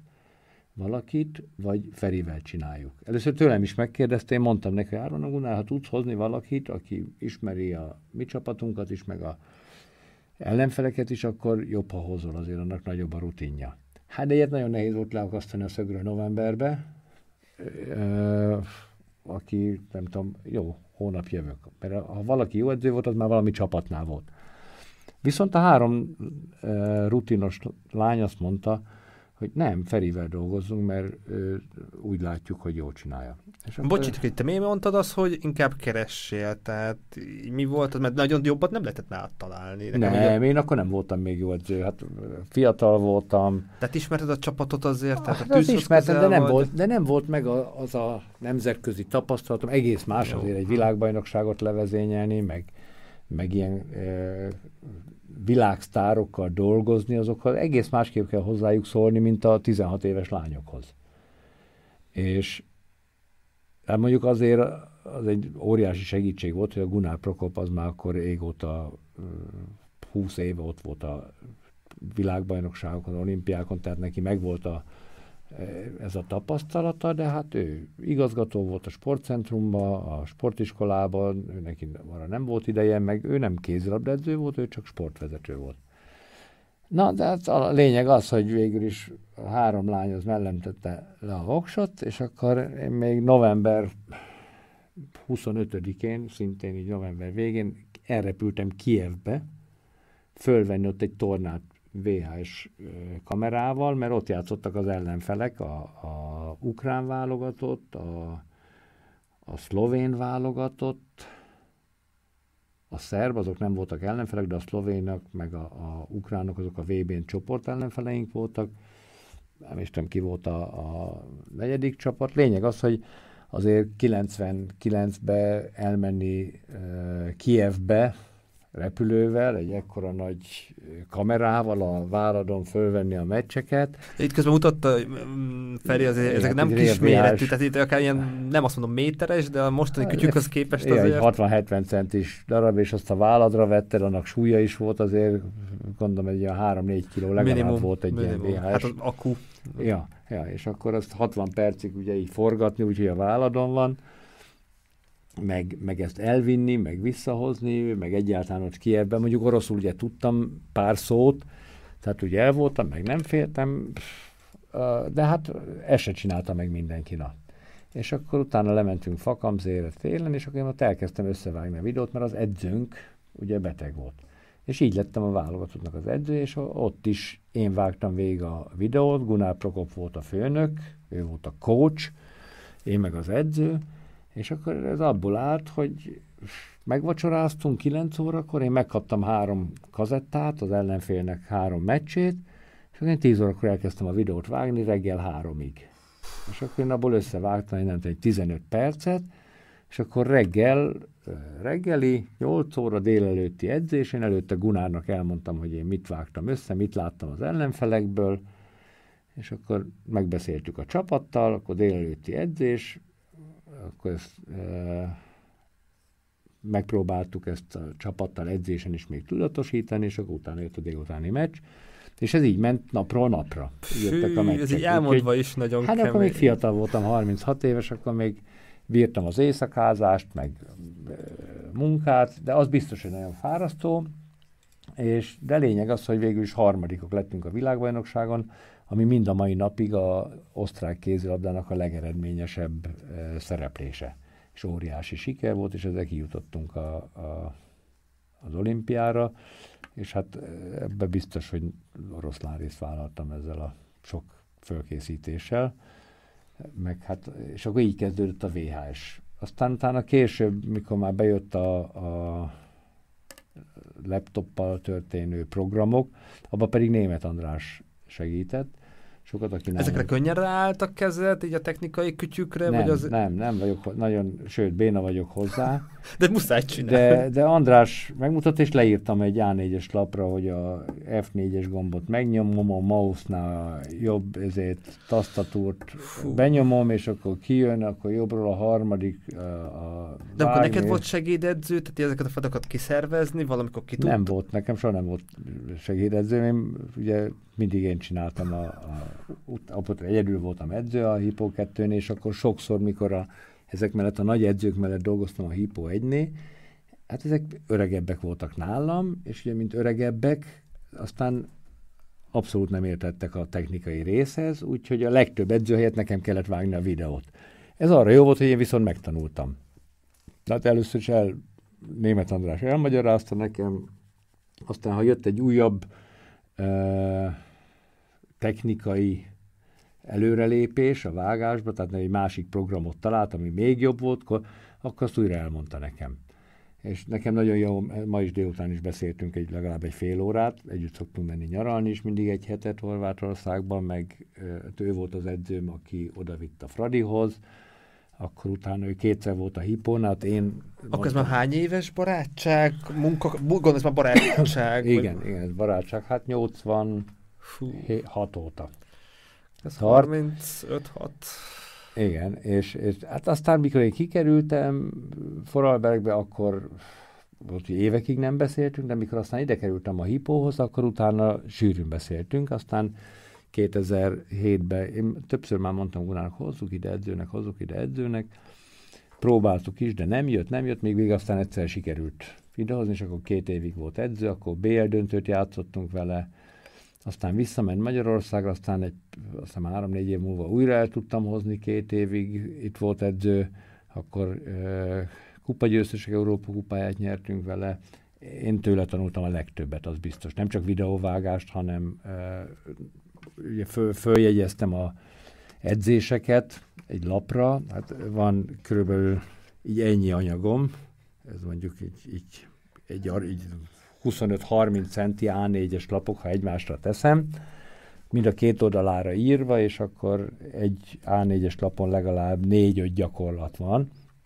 De ezek nem olyan gyakorlatok, ami, ezek, ezek különleges gyakorlatok, aminek logikája van, nem az, hogy rámegyek a YouTube-ra, és akkor ilyen egyszerű motorikus gyakorlatok. Na végén még lehet, egy könyvet is fogsz ebből írni, egy tankönyv? Hát lehetne, de, de mondom, e, ez az anyag, ez a legtöbb német Andrásnak az anyaga, és mind a mai napig mindig, most például a Lidl előtt, Lidlbe voltam vásárolni otthon Magyarországon, amikor hívott, és akkor beszélgettünk a magyar junior válogatottról, a 7 a 6 elleni játékról, üres kapu, hogy arra dobni, mondom én, erre van egy ilyen gyakorlatom, ez sem egy egyszerű gyakorlatom volt, és akkor ő kapásból azt mondja, ó, hát nekem egy másik gyakorlata van, az már bonyolultabb volt, de nagyon jó, logikus gyakorlat, mondom, várjál, várjál, előveszem a papírt, el ne felejtsem. És akkor ott az autóba fölírtam ezt a gyakorlatot,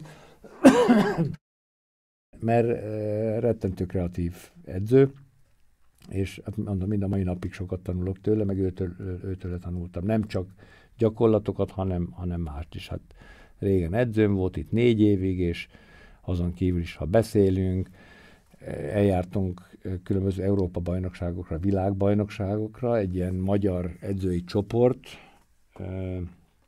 Elek Gabi Vova, aki most a női válogatott edzője, Német András közt Nevili. Tehát ők végig is a legjobb magyar edzők, és akkor ezt mind András szervezte mindig, hogy olyan 8-an, 10-12-en, és mind, ahol éppen a Európa-bajnokság, vagy világbajnokság volt, Norvégia, Olaszország, Szerbia, és akkor ez a kis csoport elment, ott béreltünk általában ö, egy apartmant, vagy kettőt, szobákkal, és akkor napközben együtt voltunk, közösen reggeliztünk, amit vittünk, vagy bevásároltunk, mert főztünk, és akkor délután elmentünk megnézni a meccseket. Általában egy nap ugye három meccs van egy ilyen, egy csarnokba, azokat megnéztük, akkor este kilenc, akkor közben még kajáltunk, hazajöttünk, akkor még megbeszéltük a témát, meg hát nagyon jó hangulat volt. És itt tanulsz legtöbbet, mert ezek a Magyarország legjobb edzői, rutinosak, és akkor hogy beszélgetsz meccs közben, meccs után, elmondja ez is, hogy mi a véleménye az és ebből nagyon sok mindent le lehet szűrni, meg nagyon sok mindent lehet tanulni. Itt akkor, hogy összefoglalom, tehát a videóvágás az fontos, hasznos, a, a kollektíva, a kollektív tudat, tudás, és még így összességben az, akár az online információk, statisztikák, tehát amíg így a 30-40 évben, tehát így rengeteg minden gyorsabb lett, fejlődött, így valamit meg hát még ki tudsz emelni, ami így a munkátokat, akár játok, játékosként, akár edzőként segítette, vagy akár hátráltatta? Hát a statisztikák is például, ez is német Andrástól vettem át, neki megvan erre is a programja ami már egybe összegzi, komoly munka volt ezt összeállítani, ő csak nekem ide ajándékozta, és én mind a mai napig vezetem ezt a statisztikát, tehát én tudom minden meccsen, hogy a játékosom e, hányszor lőtt kapura, abból hány lett gól, melyik pozícióból, e, mennyit hibázott. De ezt nem tudod meccs közben jegyzetelni? Nem, nem, ezt mikor minden meccset fölveszünk videóra. És akkor utána? És akkor másnap vagy harmadnap én ezt visszanézem, és akkor húzom magamnak a strikulákat. Hát annak idején, mikor András edzőnk volt, én másodedző, én, én ezt neki jegyzeteltem már meccs közben. Én tudtam. Az én másodedzőm nem tudja megcsinálni, próbáltunk, de azt mondta, hogy ő ezt, ezt nem vállalja. Hát ezt úgy oldom meg, hogy akkor meccs után én másnap vagy harmadnap megnézem. Úgy is megnézném még egyszer a meccset, mert ugye azért egész más, akkor vissza tudod pörgetni, hogy is volt, ez miért lett, így ezzel és akkor egyúttal megcsinálom ezt is, és akkor beírom a táblázatba, ami összesíti mindig, hogy összesen ki mit, és akkor abból esetleg valaki azt mondja, hú, ez milyen jó játékos, hát ez lőtt most 10 gólt.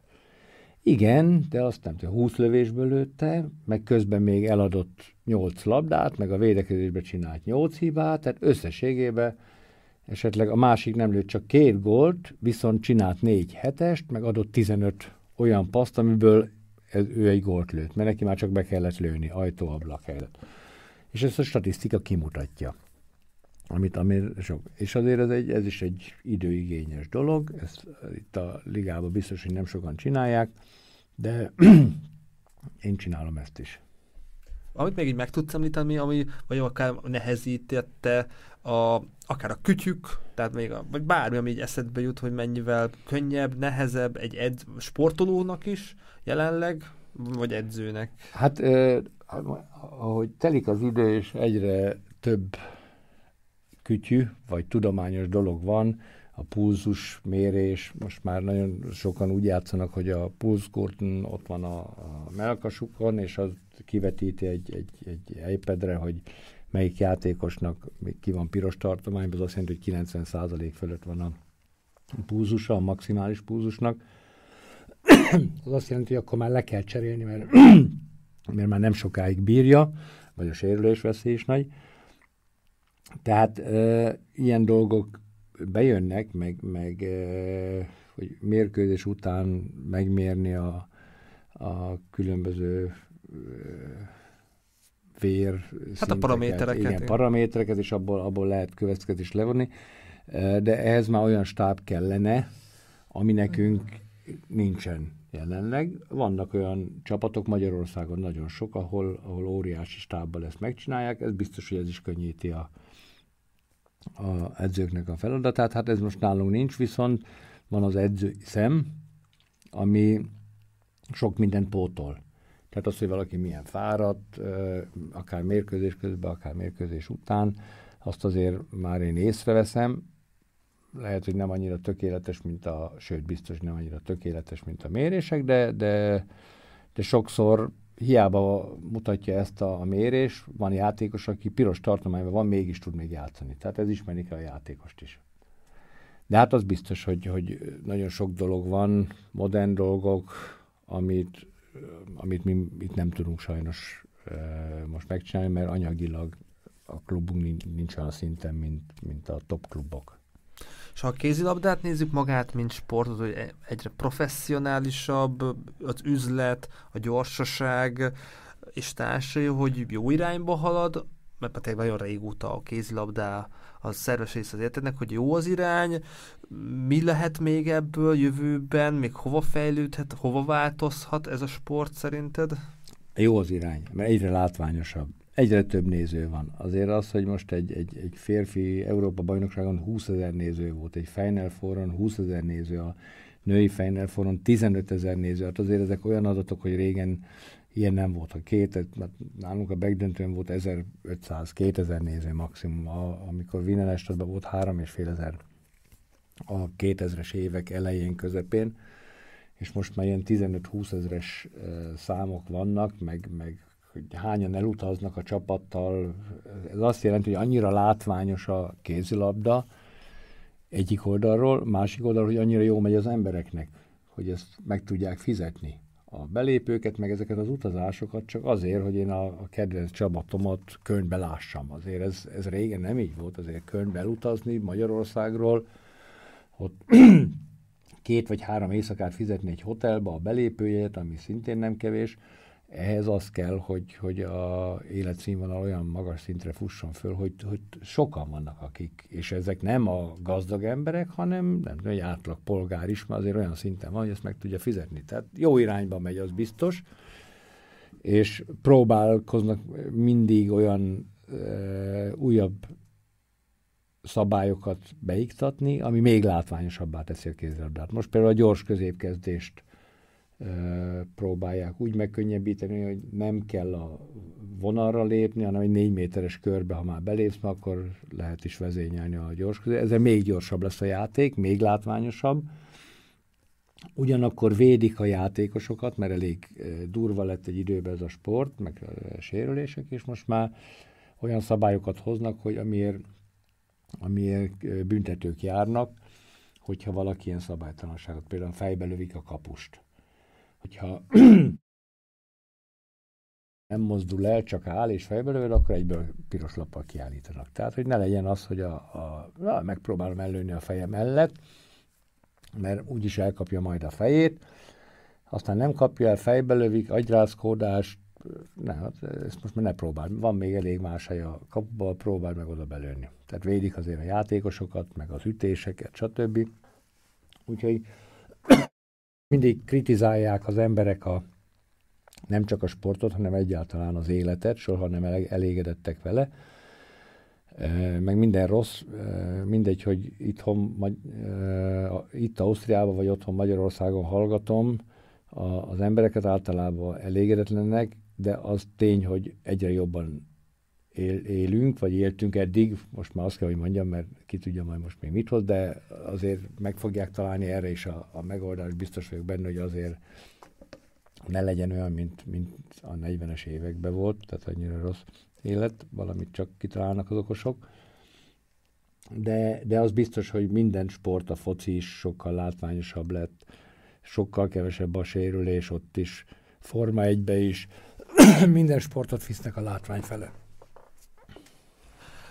Már 90 percet beszélünk, rengeteg kérdésem lenne, de még annyit kérbetem, hogy egy edzés után vagy, hogy beszélt, hogy hú, milyen kemény ez a sport, meg, meg milyen sérülések voltak, de neked azért mind a két lányod ezt a sportot választotta, hogy a lányokról azért eh, tegyünk említés, lehet, hogy legközelebb majd egyikőjük mind a ketten be tudnak veled jönni, mert szerintem még megpróbálok becsábítani a stúdióba, hogy ez neked mennyire volt tudatos, hogy ők is hivatalos, hivatásos sportolók legyenek, mennyire egyengedted, mennyire tudtad seg- úgy, hogy mennyit dolgoztál, mennyire tudtál mögöttük lenni.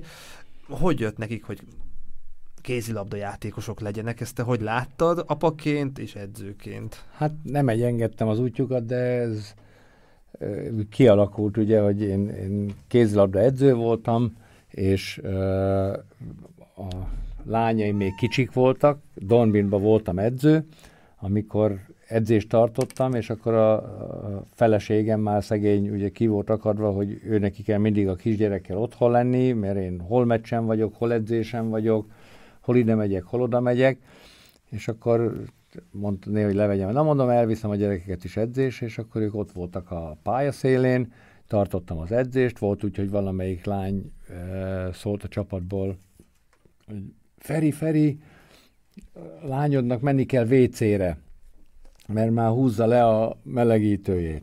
Hát mondom, akkor fog meg, az vitt ki WC-re, én tartom az edzést. És akkor az egyik játékos oda ment, kivitte, még kicsik volt, két éves volt, és akkor hát végül is ott nőttek föl a, a pálya mellett, utána, amikor ide kerültünk, akkor a sportgimnázium közel volt hozzánk, ők nagyon sokat játszottak kinn a szabadba, ami szerintem nagyon fontos, meg nagyon hiányzik a mostani gyerekekből, a koordinációból, ezek a különböző játékok a koordinációt fejlesztik. Hát gondolom a gének is jelentettek azért több minden. És már láttad akkor, már fiatalként, hogy ajjaj, hát ők, ők azért nagyon ügyesek ebből, vagy így ez, tudom, mint a, a, apaként azért féltetted, vagy örültél neki, ezt így hogy élted meg? Megmondom őszintén, az fontos volt, hogy sportoljanak, látszott mind a kettőn, hogy ügyes, a, a fiatalabb, a Patrícia, a Claudia ugye mindig előtte volt. Hát most a képen melyik őjük, melyik őjük? A magasabb, a magasabb, az a Patrícia, ő a fiatalabb. A második a Claudia, aki alacsonyabb. De ugye minden Claudia tudott hamarabb, hamarabb tudott úszni, hamarabb tudott sielni, stb. És csak a Patrícia ezt látta, és ő viszont gyorsabban megtanult úszni, sielni, mint, mint Claudia, mert ott volt előtte a példa, és, és ő is akart olyan hamar. Annak ellenére, hogy például aztán Claudia sokkal jobban siel, mint Patricia, de a alapvető dolgokat Patricia hamarabb megtanulta a, a, a sportba. És de Patricia az úszott is, nagyon jó úszó volt, tíz éves koráig, ö, Rogán kupát nyert, az azt jelenti, hogy ő volt a leggyorsabb úszó a korosztályába, Ausztriába. 200 mellen a, a német ranglistát vezette, nem az osztrákot, a német ranglistát tíz évesen, a magyar ranglistán második volt. Ez óriási szám, úgyhogy ő csak egyet edzett naponta, míg a magyarok már akkor kétszer edzettek, délelőtt is, meg délután is.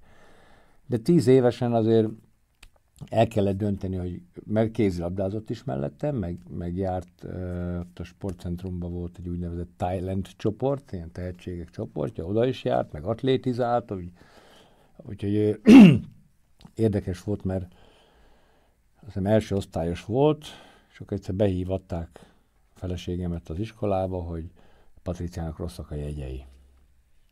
És akkor mondta, hát mit lehetne csinálni? Hát semmi, nem érdekli a, a tanulás, nem csinál meg a házi feladatot, ezért egy hordba volt, és ott egy fiatal óvónő volt, aki nem figyelt oda, és akkor kivettük a hordból, és iskola után oda jött a sportcentrumba. Beült a irodába, feleségemmel szembe, megcsinált egy fél óra alatt a házi feladatot, és akkor ment atlétikai edzésre. Hú, várjunk, ti egy helyen dolgoztok, Igen. tatok? Fú, Igen. na jó, akkor a következő adásnak meg a másik témája, de akkor visszaadom, a, visszaengedem a szót. És akkor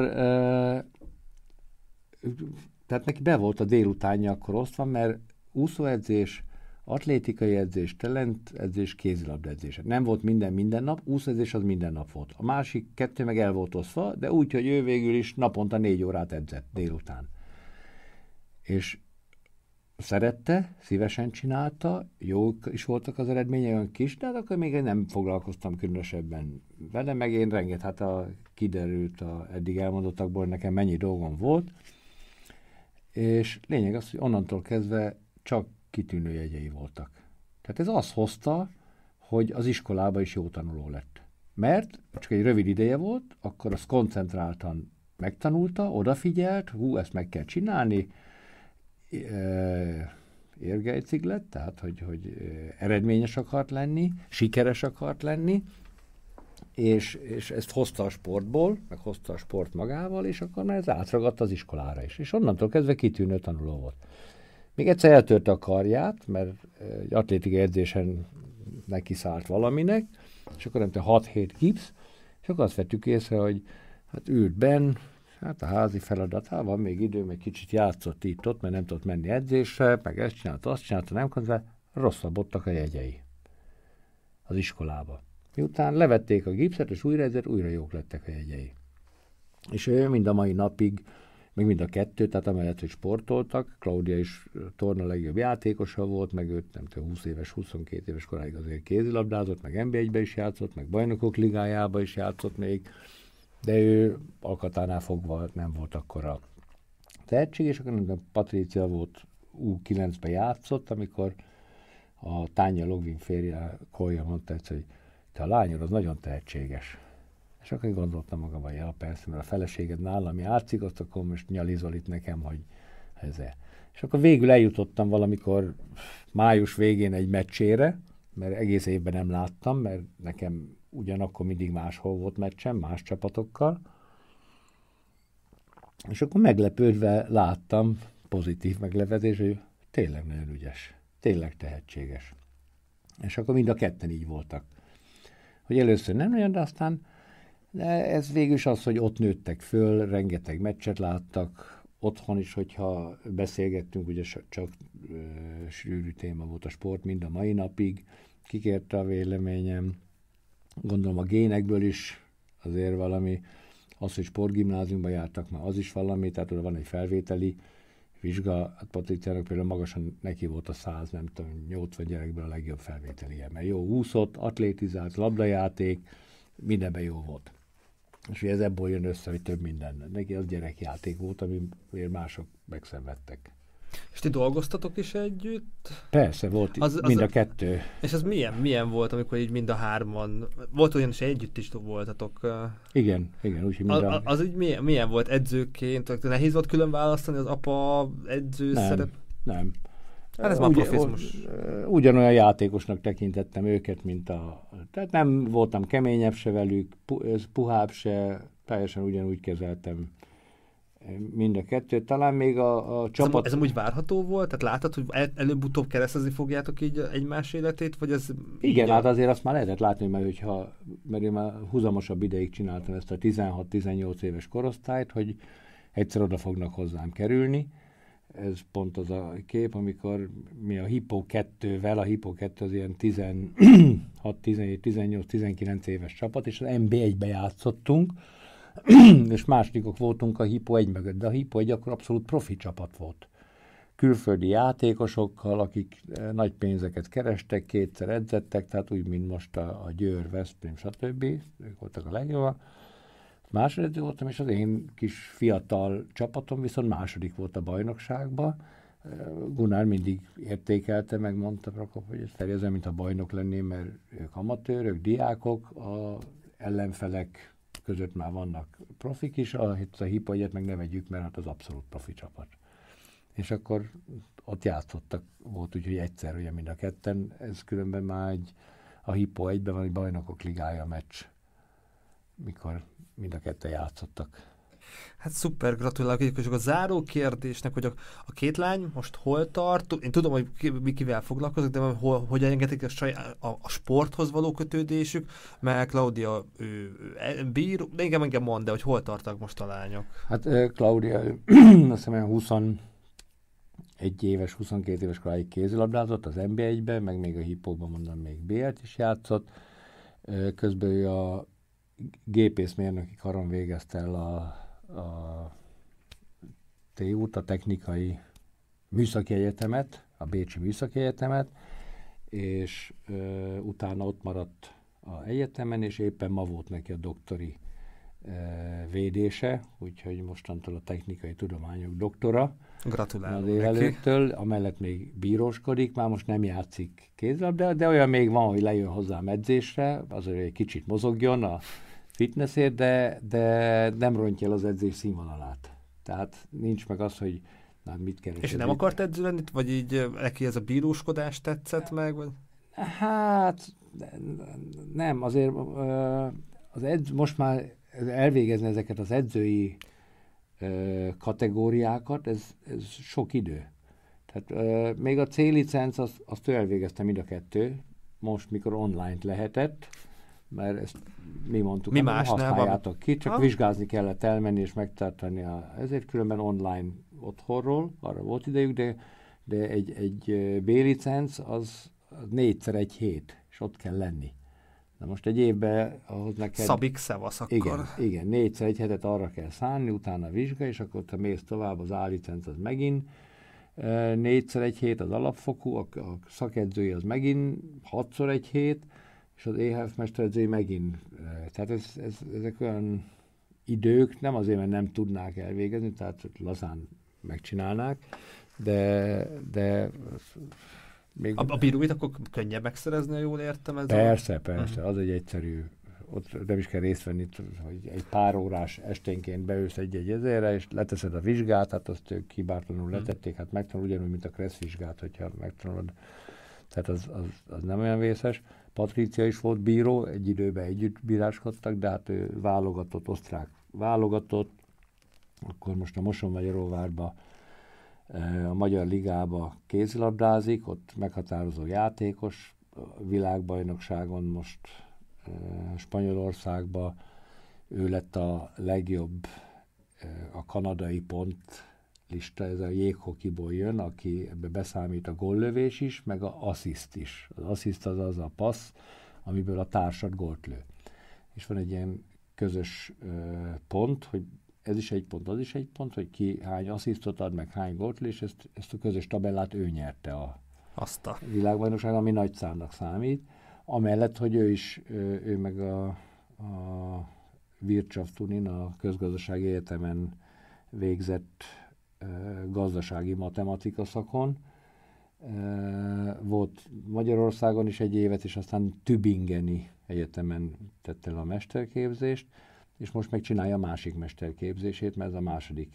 Úgyhogy profi játékos. Úgyhogy profi játékos, tehát ez visszajön az, amit már mondtam, hogy, hogy akkor volt jó tanul, amikor sportolt. Amikor lesérült, akkor, akkor rossz volt. És annyira bennem azt mondta, hogy én nem tudnék úgy élni, hogy én most csak van egy edzésem délelőtt, meg egy edzésem délután, az közben csak otthon nézem a tévét, vagy olvasok valami. Meglátjuk, hogy behívom őt is remélem a stúdióban, amikor mondjuk itthon lesz, és lesz erre ideje, ja. meglátjuk, hogy ő majd ezt hogy fogja kommentálni, hogy hogy látja, de azért durva, hogy az egész Kovács család, így a 24 órát, hogy ki tudja sajtolni, vagy mit ki tud hozni belőle. Igen, most már érzem azért én is néha, hogy, hogy jó lenne már egy kicsit olyan nyugdíjasnak lenni, hogy ezt mi szeretnél, vagy majd látod, hogy ahogy itt mondják a fényt az alagút végén, itt ez, ez egy ilyen megfogalmazás, amikor már az emberek... Ja, igen, igen, igen, szeretnék már úgy, úgy nyugisan, hogy nincs stressz, hogy csak...